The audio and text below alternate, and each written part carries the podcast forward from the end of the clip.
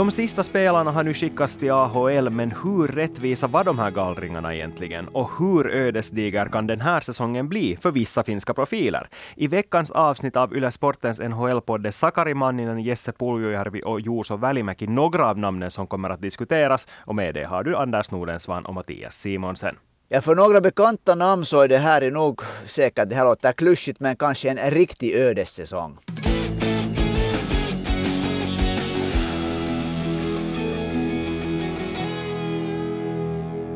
Mattias, du hann redan köra igång NHL-referaten den här säsongen med matchen mellan Nashville och San Jose i Prag.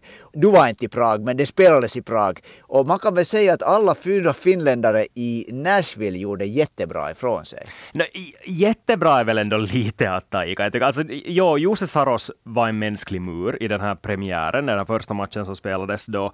Eh, det var ju han i stort sett, han och stolparna som såg till att San Jose inte låg i ledning i den matchen överhuvudtaget. Och jag tycker att San Jose med all orsak tyckte att det var en jättegod nyhet när Nashville sen meddelade före den här andra matchen att, att det är Kevin Lankinen som tar över som målvakt. Och Kevin Lankinen var inte jättebra, det ska säga. Han var tillräckligt bra, men det finns en skillnad här med att säga att han var jättebra och tillräckligt bra. Men han gjorde jobbet, det ska sägas, men det är väl lite därför som han är i, Nashville också nu. Det, det är de där segrarna som han ska stå för. Inte kanske vara lika bra som Jose Saros, men ändå vara tillräckligt bra för att vinna. Är det tolvanen åtminstone, så honom får man nog ösa lite beröm över. No, honom får man ösa beröm över. Det, det ger jag dig allt lov att göra. Och nu känns det som att du vill hylla honom till skyarna, så gör det, Anders. Jo, jag gör det här för att jag har lite, hur ska vi säga, en, en sticka i samvetet. För jag har tidigare dissat Eli och trott, tyckt att han är liksom lite mjuk och att den riktigt vill lossna. Men man såg redan förra våren att det var på kommande. Och nu tyckte jag att fast han spelar i fjärde kedjan för det mesta, så tyckte jag att han hörde varje gång han var på isen så fick han liksom någonting att hända tycker jag. Och han var bra faktiskt också utan puck. Han har liksom gått jättemycket framåt tycker jag. Fast han inte är hemskt stor så tycker jag inte på något sätt man upplever att han skulle vara nu för tiden mer åtminstone fysiskt i underläge. Nej, nej, verkligen inte. Och Erik Tolvanen var ju en sån här spelare som redan under träningslägret, eller före träningslägret ska vi säga, så diskuterades det lite att skulle Tolvanen till och med kunna vara ett sånt namn som man skickar ner till AHL? Och nu visar han ju, och hade garanterat visat, jag såg inte en enda Nashville-match under träningssäsongen, så jag kan inte säga hur bra han spelar där, men åtminstone i de här två matcherna i Prag så visar han ju nog varför han hör hemma i NHL-truppen. Han har ändå varit med om det tidigare, det där om att tvingas skickas ner till AHL först. Och det är kanske det som jag tänkte att vi skulle prata om den här veckan, för det finns ju framförallt ett namn som många människor i Finland undrar sig över. Varför ryms inte Sakari Manninen i Vegas Golden Knights trupp? Nu talar vi ändå om the guldhjälte 2022. Jag var säkert inte den enda som i somras eh, funderade lite om att varför far Sakari Manninen iväg till NHL i den mogna åldern han nu är när han är en spelare som på många sätt är sån som inte riktigt uppskattas i NHL, speciellt om man kommer från Europa, kanske alldeles speciellt om man kommer från Finland där, där det finns vissa liksom sådana här premisser, vissa antaganden hur fin, finska spelare är.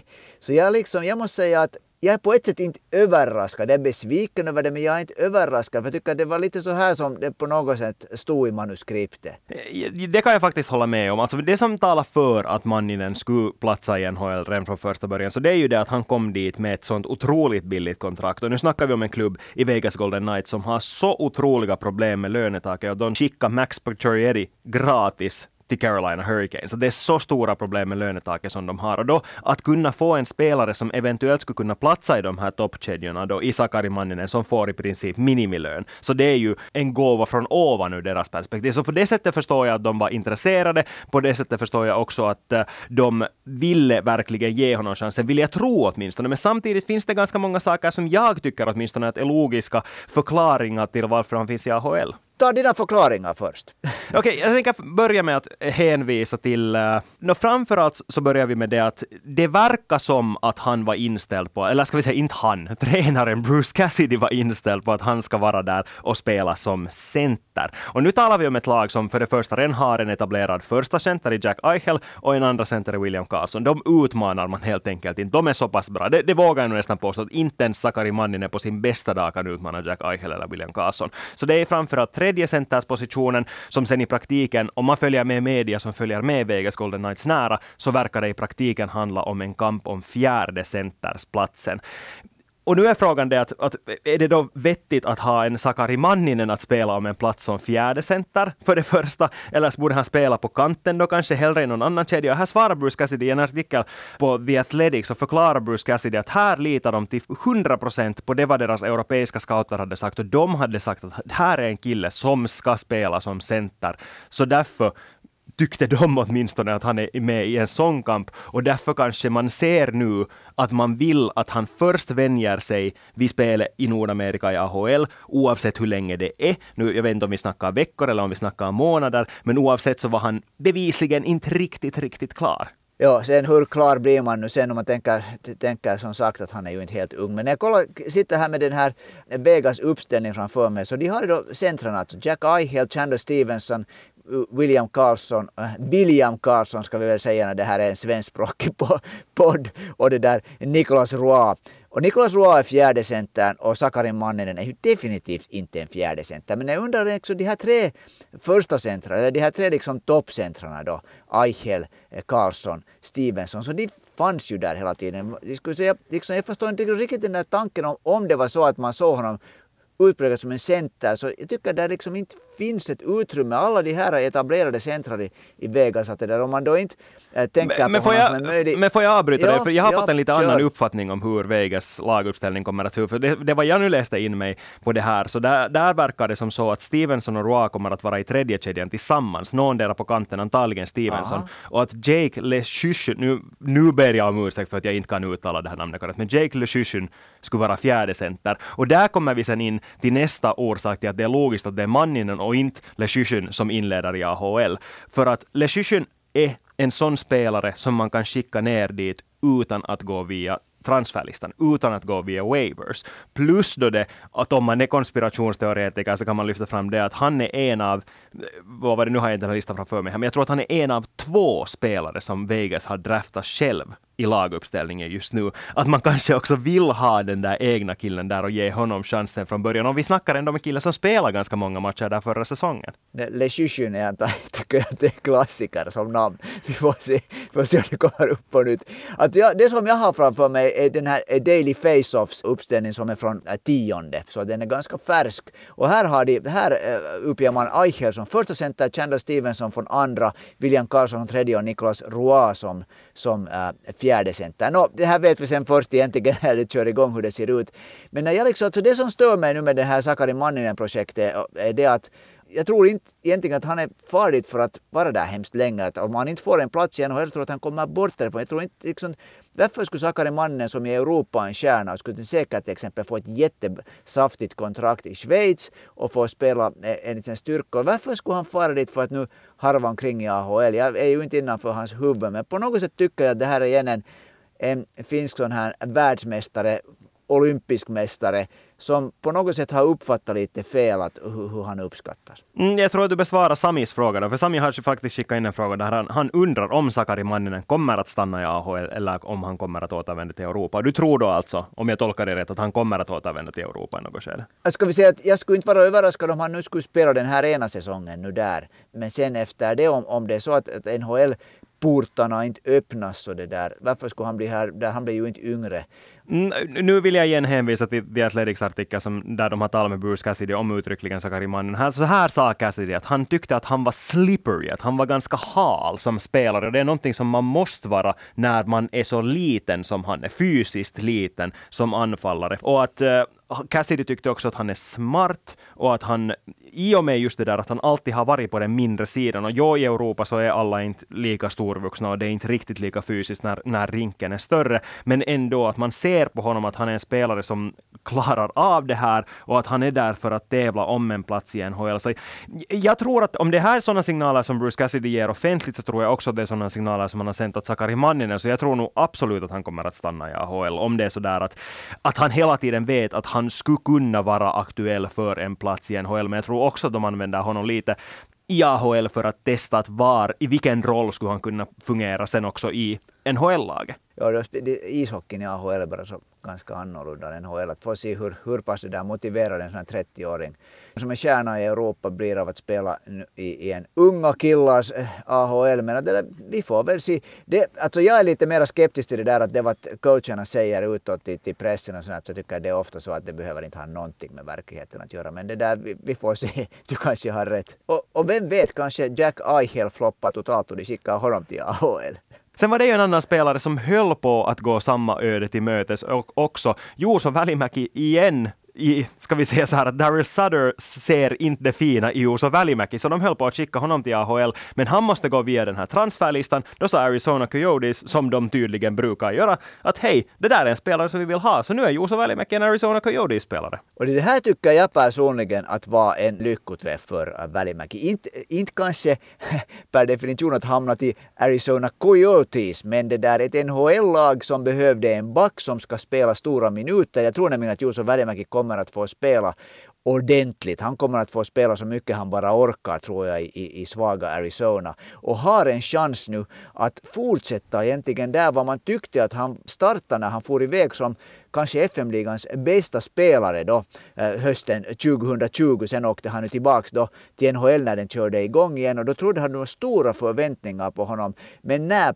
där åkte han mot en mur som heter Daryl Sutter och det blev ingenting av det. Så det där, en, jag, jag liksom hoppas verkligen att Juuso Värimäki som fortfarande är en ung kille, har mycket starka sidor som back, har det här en möjlighet nu att på riktigt börja bygga på sin NHL-karriär. Mm, ja, det håller jag till 100 procent med om. Jag tyckte att det var lite, när du tog fram det där att det var en bra lösning för honom att komma bort från Calgary. Så jag, jag såg att det var en, en sajt, nu glömde jag, jag stängde den fliken här på min laptop, men det var någon, någon sajt i Calgary som hade skrivit en kolumn med rubriken att det här är best case scenario för både Calgary Calgary och Välimäki. Det är nog bullshit. Välimäki, ja, för Välimäki att komma bort från Calgary var bra, men inuti Arizona. Och för Calgary, så de blev av med en backtalang. Det, det kan vi inte sticka under stol med. Att hur, att hur man än putsar bort det här blåvita från våra glasögon, så nu inte kan vi liksom han var ett val i första omgången och han var ett val som hade visat, eller en spelare som hade visat framfötterna de gångerna som han fick chansen, men under Daryl Sutter så fick han aldrig den där chansen. Och I Calgary, när man tittar till exempel på de här reaktionerna från fansen när, eh, när Arizona meddelar på sociala medier att, att de har nappat honom, så nu var de där Calgary-fansen uppriktigt lite sådär vemodiga, eller sådär att oho, det här var ju en kille som kunde ha blivit något för oss. Ja, man tänker ju alltid så att när de har plockat honom i första rundan, de har liksom, det var en satsning att plocka honom i första rundan och så skickar man iväg honom utan att han, som du säger, utan att han egentligen har fått en ordentlig chans. Uh, jag lyssnade på en sån här nordamerikansk analys som, som jag liksom lite drog åt med öronen att jag förstår inte riktigt vad de snackar om för de sa då, där sa de att han hade ju två skador tidigt i, i sin karriär som mm. kom direkt på varandra vilket förstörde början och sen blev han efter i utvecklingen. Men efter att det här att han har blivit efter i utvecklingen så var han ju en totalt dominerande spelare i FM-ligan. Och inte tycker jag nu ändå att FM-ligan är, så svag liga att om man åker iväg som den bästa spelaren i FM-ligan egentligen så är det ett tecken på att man har blivit efter i utvecklingen från sin liksom, NHL-utvecklingsbana så att säga. Och det här att ta steget från FM-ligan till NHL är ju verkligen inte ett lätt steg att ta. Och det här är ju någonting som diskuteras väldigt mycket under den här Yles NHL-sändning förra lördagen, under den här San Jose Nashville-matchen. Alla som såg det lyssnade och vet vad till exempel Topi Nättinen och Ismo Lehkonen har att säga om det. Men vi har fått in en fråga om lite vad som skulle kunna göra den här flytten enklare. Och det är Patrik som undrar att om man skulle byta till en NHL-storleksrink i Europa, att skulle, skulle flera spelare, som då till exempel Sakari Manninen, kunna ta det här steget lättare? No, alltså jag har ju en jätte, jättestark åsikt om det här som jag har haft länge. Mitt problem med det här är att i Finland så motiverar man det här med att man inte ändrar på ringstorleken från detaljer. Man bör starta med att det ska vara svårt och svårt, alla möjliga sådana här detaljer som är problem. Men ingen liksom funderar på den där principen att om man skulle vända på kakan och ta ett principbeslut att hej, Världens bästa hockey spelas i liten rink. Alla spelare vill till NHL. Så tycker jag det skulle vara ett fullkomligt solklart val att ishockey borde spelas i liten rink. Också därför för att ishockey är en liten gren en marginalgren på sitt sätt. Varför ska den ännu vara spelas i två olika versioner på, på båda sidor om Atlanten? Så jag tycker definitivt att det skulle vara på sin plats att man skulle spela i liten rink i Finland och som en liksom produkt av det här så skulle det såklart göra spelarna mycket mer färdiga för att åka till NHL. Så där, där var min, min monolog i det här ämnet.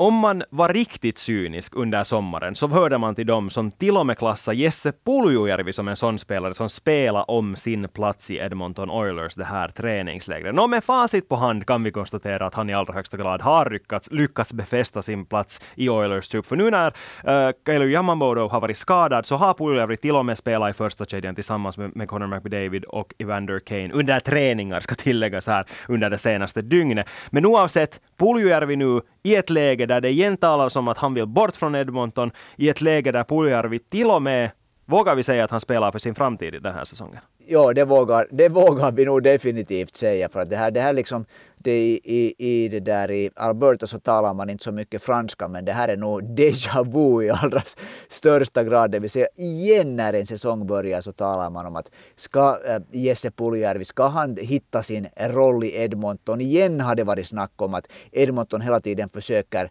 göra affär, trada bort honom, att, eh, att de inte riktigt vill hitta den här platsen för honom där. Igen har det varit mycket kritik, bland annat Frank Seravali, en sån här NHL-insider som, som har kritiserat kritisera Puljärvi för att han helt enkelt inte har en speciellt bra spelsyn fast han gör allt annat bra. Så för mig åtminstone, jag medger att jag är lite låst i det här, så tycker jag bara att Edmonton inte liksom en happy place för Jesse Puljärvi. Nej, jag tror att det sammanfattar ganska bra. Puljärvi är ju, vi har sagt det jättemånga gånger i den här podden och jag tycker, tänker understryka det, att Puljärvi är en sån här spelare som man ser, det är så otroligt tydligt på när han njuter av att spela is. Och jo, det kan ibland se ut så i Edmonton, men till den största delen har det inte sett ut som så. Nu, där det finns rök så tror jag nog också att det finns eld den här gången. Att jag tror liksom riktigt på riktigt att de kommer att försöka träda Puljujärvi nu den här säsongen. Och ett tecken på det är ju det här att de plockar in Klim Kostin från St. Louis Blues. Han är ju en spelare som utan blåvita glasögon så han är nog en spelare som kan göra det jobb som Puljujärvi har gjort där de senaste säsongerna. Jag tror att man tänker med hur Puljujärvi kom till NHL, vad man väntade att han skulle bli. Han är ju en spelare som definitivt ska vara en topp sex eh, spelare i, i någon av de två första kedjorna. Och när du sa det här om, om ingen eh, rök utan eld så en sån här det där eh, rök, röksignaler som har kommit hela tiden där som inte egentligen har blivit bekräftade men som sagt ingen rök utan eld är att varken Conor McDavid eller Leon Draisaitl egentligen är hemskt pigga på att ha Jesse Puljärvi i sin kedja. Och det här kommer gång på gång det här samma. Och det där, jag tycker någonting måste ju finnas bakom sådana här rykten. Jo, men samtidigt så vem är de pigga på att ha i sina kedjor? Alltså John McDavid och Kane funkar ju bevisligen jättebra tillsammans, men eh, jag menar, har du någonsin hört någon av dem hylla sina kedjekamrater till skyarna? Förutom när de pratar om varandra. No, no, alltså jag tycker de båda, just när du nämnde Evander Kane så tycker jag de har, de har det där hyllat honom till skyarna. Men, men med Kane, jag, så... jag måste avbryta, men med Kane så fanns det också kanske lite en sån här orsak att sådär överdrivet ja. understryka ja. hur trevlig han är som kille i och med att det fanns den där rykten om att han är, att han är tvärtom en sån där kraft i omklädningsrummet som suger ur all energi ur alla andra. Ja, det är sant. Ja, annars, det är ju en, Jesse Puljärvi har ju annars höjt Evander Kent i skyarna och sagt att han är jättetrevlig, att det där, de kommer superbra överens. De också fiskat tillsammans också där.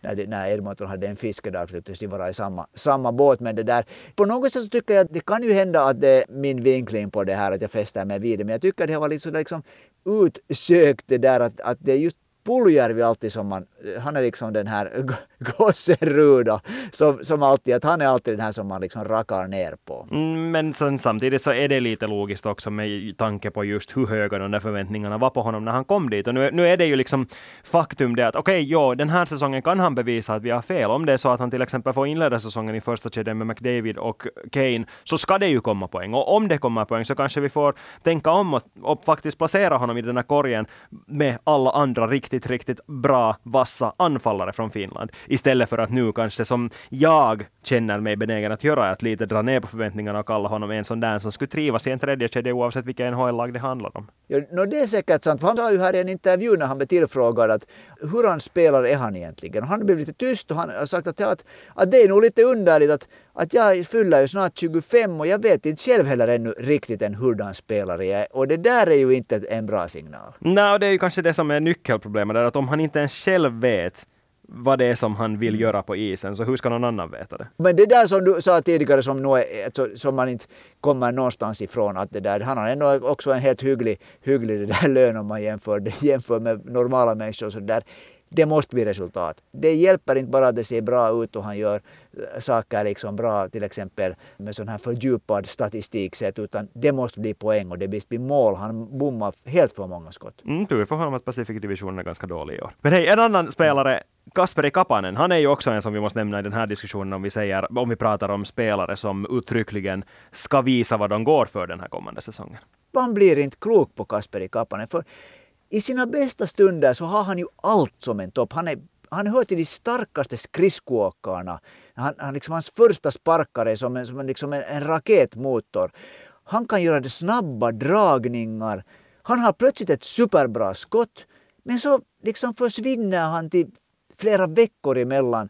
Det, han är ett mysterium den mannen för att han borde vara en riktigt bra spelare. Han borde vara en, en topp 6-spelare i NHL men nu ska vi också igen tona ner lite de här förväntningarna. För jag läste en intervju med honom i The Pittsburgh Post Gazette, där han själv, eller ska vi säga han inte säger det, men Jeff Carter säger det. För enligt den här artikeln antyder åtminstone som att det igen kommer att vara så att de här två kommer att bilda ett, ett radarpar. Och vad det här nu sen innebär är ju såklart det att de kommer att vara i tredje kedjan. Och det var Jeff Carter också sa i den här artikeln är då det att det vad de ska bidra med är depth det var det ordet på engelska, alltså bredd, djup i poängmaskineriet med tanke på att de har en Sidney Crosby som första center och de har en Jevgenij Malkin förutsatt att han är frisk som andra center. Att utgångsläget är att deras roll ska vara att de ska vara där i tredje kedjan. Och jag tror att Kapanen kanske också lite nu har vant sig vid den tanken att han måste anpassa sina styrkor till det vad hans tak är om du förstår mitt resonemang här. För, att, för det var han jo, också... Men när jag protesterar mot det där, det där taket, för det här är just det som jag tycker att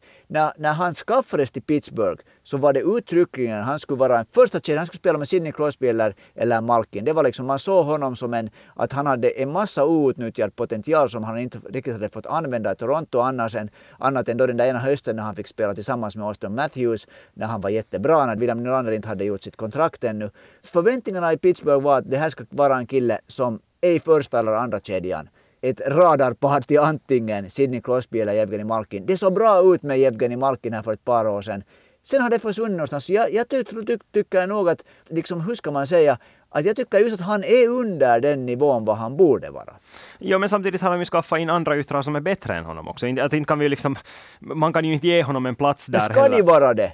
Menar du att Rickard Rakell och Jason Zucker till exempel? Jag tycker inte att, jag, jag förstår inte varför Jason Zucker eller Rickard Rakell ska vara en bättre, en bättre yttare än det där uh, Kasperi Kapanen. Jag tror att ingen av dem blev till exempel draftad högre än vad han blev. Men jag, varför? Inte hade det någon skillnad vad han blev draftad. De har presterat bättre när de faktiskt har spelat i NHL. Ja, men det där varför har de gjort det? Det där jag, jag, tycker att det, det, borde inte vara på det sättet för han har de, som jag säger, han har de styrkorna som borde göra till honom. Han borde definitivt kunna utmana en Jason Sucker. Han har mycket av samma styrkor som Jason Sucker faktiskt. Snabb på, på det där skridskorna, gör lite oväntade saker emellan. Min poäng är den att jag tycker att han inte borde nöja sig med att vara en tredje kedjans sån här depth-spelare, utfyllnadsspelare. Han borde ha som mål att vara där i de topp top två kedjorna. Det tycker jag. Ja, alltså det, det är aldrig fel att sikta mot kärnorna och så vidare. Um, men det som kommer fram i den här artikeln är till exempel också det att det vad de har tagit för lärdom från hans framgångsrika år i Toronto är det att Kapanen faktiskt gillar att spela i boxplay. Och det är någonting som han fick göra i Toronto, mm. någonting som han inte riktigt har gjort i Pittsburgh, men nu finns det planer på att han ska göra det. Det gillar han. Och sen igen för att lyfta fram något positivt om Kapanen här inför säsongen och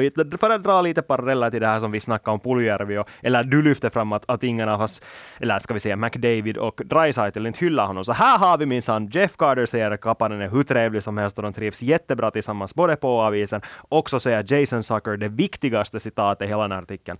Han osar annan energi den här sommaren än vad han har gjort i Pittsburgh tidigare. Att nu vet men, han... Herregud, sådana klyschor! Jag vet, men ändå, för det är ju liksom, inte säger man sånt där ur tomma inte ändå samtidigt. Vet du, att, att om någon frågar liksom dig att, att hej, att vet du, nu ska ni börja en ny podd med Mattias, att kommer det att vara samma liksom gamla tugg som tidigare eller kommer ni att bidra med något nytt? No, men jag skulle såklart säga att egentligen kan jag ju inte tåla det, men jag skulle såklart säga nej, nej, det är super. Jag, jag, jag är liksom taggad. Mattias är världens kille liksom. Jag ska, ja, den där jassen igen. Men det där, det, Fine, det är fine. PR, det är PR. Ja, ja, ja. Jag säger ännu det här sista. Magna Kapanen själv sa att han, han gillade inte att spela hockey förra säsongen, men nu ser han fram emot att hitta glädjen igen. Hur kan man som, vad är han, 24, han var 24 år gammal förra året, var han 25 år gammal, förtjäna miljoner. Om man säger att man inte gillar hockey i det laget, i Pittsburgh, ett bra, så det där, jag vet inte, liksom, no, jag hoppas att han har titta sig i spegeln och det som Jason Zucker säger, är det där, är sanningen.